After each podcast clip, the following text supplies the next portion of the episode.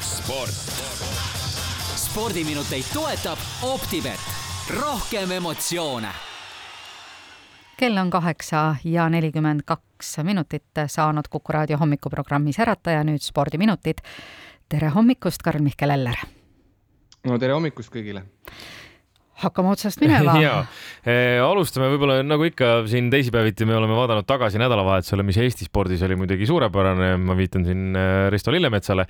aga kui nüüd e, veel päris hiljutisest perioodist hakata, siis ma saan aru, et korvpallifännidel on ka selline rõõmupohmell ehk täna hommikul veel, kes Kalev Cramo fännid on. No ja kindlasti, et jah, tõesti kõige värskem selline spordiuudis siis tuleb eilsest õhtust, et legendaarses Kalevi spordihallis täismaja ees BC Kalev Cramo mängis noh, tugevuselt siis kolmanda eurosarja FIBA Eurocupi veerandfinaalis Saksamaa klubi Bambergiga ja võitis kaheksakümmend, seitsekümmend seitse ja no tõepoolest see oli selline ütleme, karukoopa tunnetus ikkagi, et mhm. ise kohapeal küll käidud ei, ei saanud, aga ikkagi ülekandes seda pilti vaadates, et ikka täiesti selline noh, laeni täis publikut ja inimeste rivi juba spordihalli ees oli selline poolteist tundi enne mängus. et no piletid olid sinna juba vist mitu päeva tagasi välja müüdud, aga kuna Kalevi spordihallis pole kohad nummerdatud, siis printsiibil, kes ees ja mees saab parema koha endale, neid pealtvaatajaid sinna tuli kuskil tuhat viissada ja no küll nii-öelda esimestel, ütleme, esimene poolaeg ei kulgenud küll kodumeeskonna fännid fännide rõõmuks äh, hästi, sellepärast et äh, tugev Bamberg oli seal kohtumist dikteerimas, aga siis Kalevi üheksapunktises kaotusseisus nelikümmend kuus, viiskümmend seitse kodumeeskond tegi kakskümmend kuus, neli spurdi, läks ise üheteistkümne punktiga juhtima, aga lõpuks ikkagi viimase sellise pooleteist, kahe minutiga väristati see vahe siis selliseks kolmepunktiliseks võiduks. Ja no selline võit on võit, nagu öeldakse, kokkuvõttes äh, tuleb siin selles ähm, paaris ka kordusmäng, see on järgmisel kolmapäeval Saksamaal ja sinna siis läheb Kalev vastu nii-öelda kolmepunktise eduga ja kes siis äh, järgmise mängu, ütleme, Kalev järgmise mängu kahe punktiga kaotab, äh, siis nad on edasi, aga kui kolme punktiga, siis tuleb lisaaeg ja, ja niimoodi see asi seal välja näeb, nii et Kalev Cramo tegemas oma klubi ikkagi ajaloolist eurosarja ja loodame, et neil läheb seal Saksamaal ka siis hästi ja, ja mis selle meeskondade võrdluses on ka oluline märkida, et Kalev Cramo eelarve on selline tänavusel hooajal selline alla miljoni euro, siis Bambergil ikkagi on kordades, kordades suurem see eelarve ja kui, kui sportmänguris ikka kavatsetakse öelda, et ega tegelikult ju paberi peal midagi paika ei panda, et no siis selge ikkagi, et kui pallimängudes ühel meeskonnal on ikkagi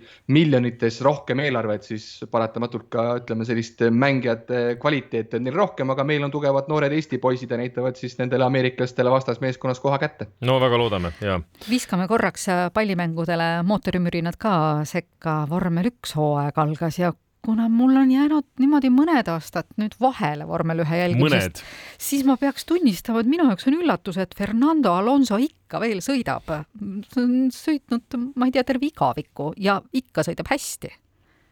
Ja no Alonso on kahekordne maailmameister ja nendest tiitlitest siin vaata, et varsti saabki kakskümmend aastat mööda juba. Ja ta vahepeal ikka täitsa läks sealt sarjast ära, kaks-kolm hooaega ei sõitnud, aga, aga siis tuli tagasi ja sõitis seal noh, nii-öelda selles meeskonnas, kus ta kunagi maailmameistriks tuli, Renault sellises järglases Alpine meeskonnas, aga nüüd sellest hooajast on liitunud Aston Martiniga ja noh, see ka võib-olla nüüd ei ole kõige kuulsam selline mm -hmm. vormelimeeskond, aga kolmandaks ta seal tuli Bahreini etapil ja no see ei olnud otsene üllatus, sellepärast et vabatreeningutel siin reedel ja laupäeval ta näitas seal vaata kõigile taga tulesid ja siin oli küsimus, et kas äkki Red Bullidel on ka midagi nii-öelda pahasti, et nemad on siin viimased hooajad nüüd ikkagi noh, olnud seal esikoha konkurentsis sees, aga lõpuks ikkagi Red Bullid võtsid oodatult kaksikvõidu võidu, valitsev maailmameister Verstappen esikoha, Sergio Perez teine ja Fernando Alonso pusis seal Ferraridega, ka oma endise tiimikaaslase Lewis Hamiltoniga, aga Ferraridel oli seal natuke tehnilist ebaõnne, aga lõpuks ikkagi ütleme, et see Alonso kolmas koht oli selline ikkagi ütleme õiglaselt saavutatud, et ei olnud seal, ei saa nüüd öelda, et kellelgi läks jälle pahasti ja nüüd Alonso tuli tagant. tegelikult ikka tegi,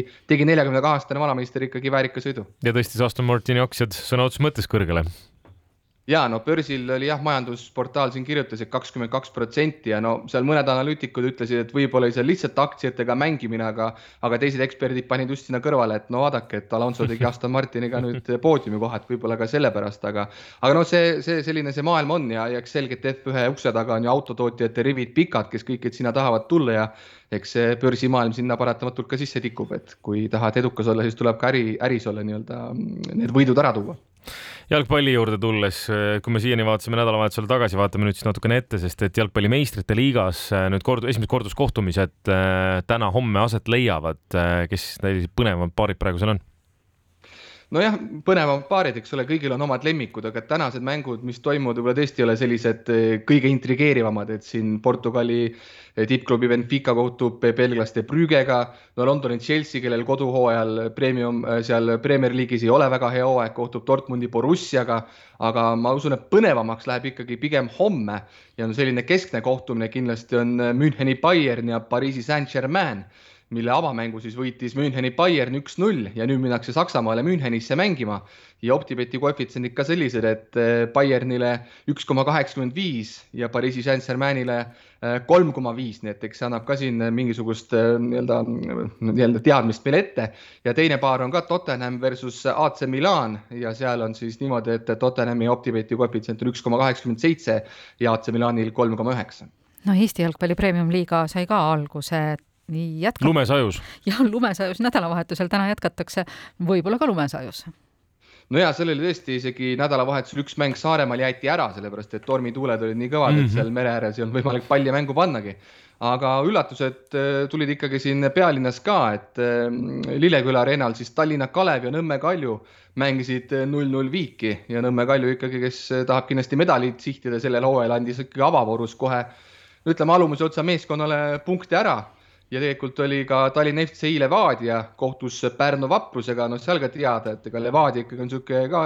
esikolmiku klubi ja Pärnu ikkagi tavaliselt punane latern, aga sealgi mängiti null-null viiki, nii et äh, avavoor oli üllatuslik. aga vaatame natukene ka seal ettepoole, et äh, täna siis äh, mängitakse ka ja avavoorus üllatunud Tallinna Kalev mängib siis võõrsil Tartu Tammekaga ja ka seal on niimoodi, et Optiveti koefitsient võõrustajatele on üks koma kuuskümmend kuus, aga Kalevile neli koma üks, nii et eh, vaatame, mis siis seal saama hakkab, nii et premium-liiga Eestis on ka läinud kenasti käima ja loodame, et need lumetormid enam siis vahele trügima ei tule no kui jalgpalli juurde jääda, no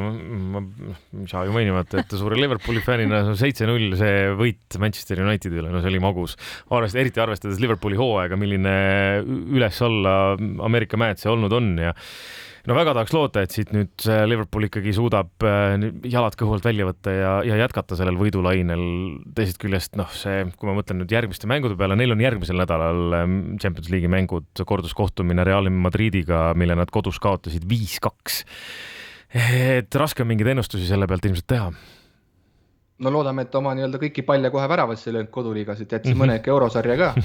aga jah, et, et see oli Unitedi ajaloo suurim kaotus, null seitse ja, ja noh, kui Liverpooli poole pealt ajalooliselt vaadata, et siis ei olnud küll suurim võit, aga üks suurimaid. Ja noh, jällegi sa ütlesid ka, et eks üles-alla need hooajad käinud, aga tegelikult ikkagi mõlemad meeskonnad ka Inglismaa liigas on ju nii-öelda mängus sees, et United kolmas, Liverpool viies ja, ja noh, Liverpoolil on see hooaeg tõesti läinud üles-alla, eks Jürgen Kloppil on neid halle habemekarvu kindlasti oluliselt rohkem juurde tulnud, aga, aga noh, nagu, nagu sai siin väljagi toodud, et euromängud tulemas ja loodame, et siis äh, neil jäi siin ikka mõni värav seal ka lüüa. aga kuidas nüüd sellega lood on, ma mõtlen, sa mainisid BSG-d, et äh, Neimar on nüüd ju vigastatud, hooaeg on läbi, ma saan aru, et ja nüüd Müncheni Bayerniga kohtumine ees ootamas ka veel ja no see on tõesti karm hoop, et tegelikult juba siin paar nädalat tagasi vigastas hüppeliigest, aga nüüd siis tõesti öeldi välja, et tuleb operatsioonilauale Neymaril minna ja ja ega noh, BSG-l ju see staaride armee seal ikkagi on olemas, nii et aga, aga noh, selge on see, et Müncheni Bayerni vastu võõrsil, eriti kui sa nüüd kaotuse pealt sinna lähed, et ega see lihtne olema ei saa, aga no loodame, et, et elu on siin näidanud, ajalugu on näidanud, et, et suudavad, suudavad ka suured, kes komistavad ikkagi lõpuks jalgele tõusta ja, ja siin midagi korda saata, nii et usun, et homne mäng tuleb kindlasti põnev no meil on nüüd suusaalade mm on läbi äh,, sisekergejõustiku EM on läbi. millised tiitlivõistlused suuremad, Karl Mihkel, tulemas on praegu, peast oskad öelda, millele me saame jälle kaasa elada varsti? või ainult lumepallile?